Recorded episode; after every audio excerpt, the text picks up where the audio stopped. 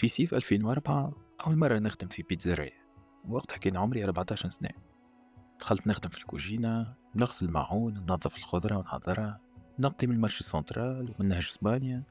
نشق شارع شارل ديغول بال diable وهو مبلع بالنصاب وأنا نقول سقيك يا مدام سقيك يا مدام سامحنا نتعديو البيتزارية كانت في قلب العاصمة مقابل ساحة منجي بالي للي يعرفها.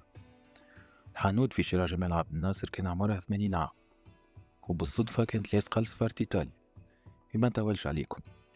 الشهر الأول في الكوجينة الشهر الثاني ورا الكاسة آخر الصيف قلقت. فديت.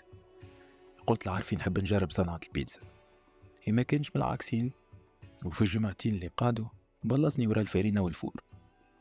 نتفكر كعبة البيتزا الأولانيين خرجوا مثلثين. واللي لصقوا في قاع الفور. وأربعمية سخانة.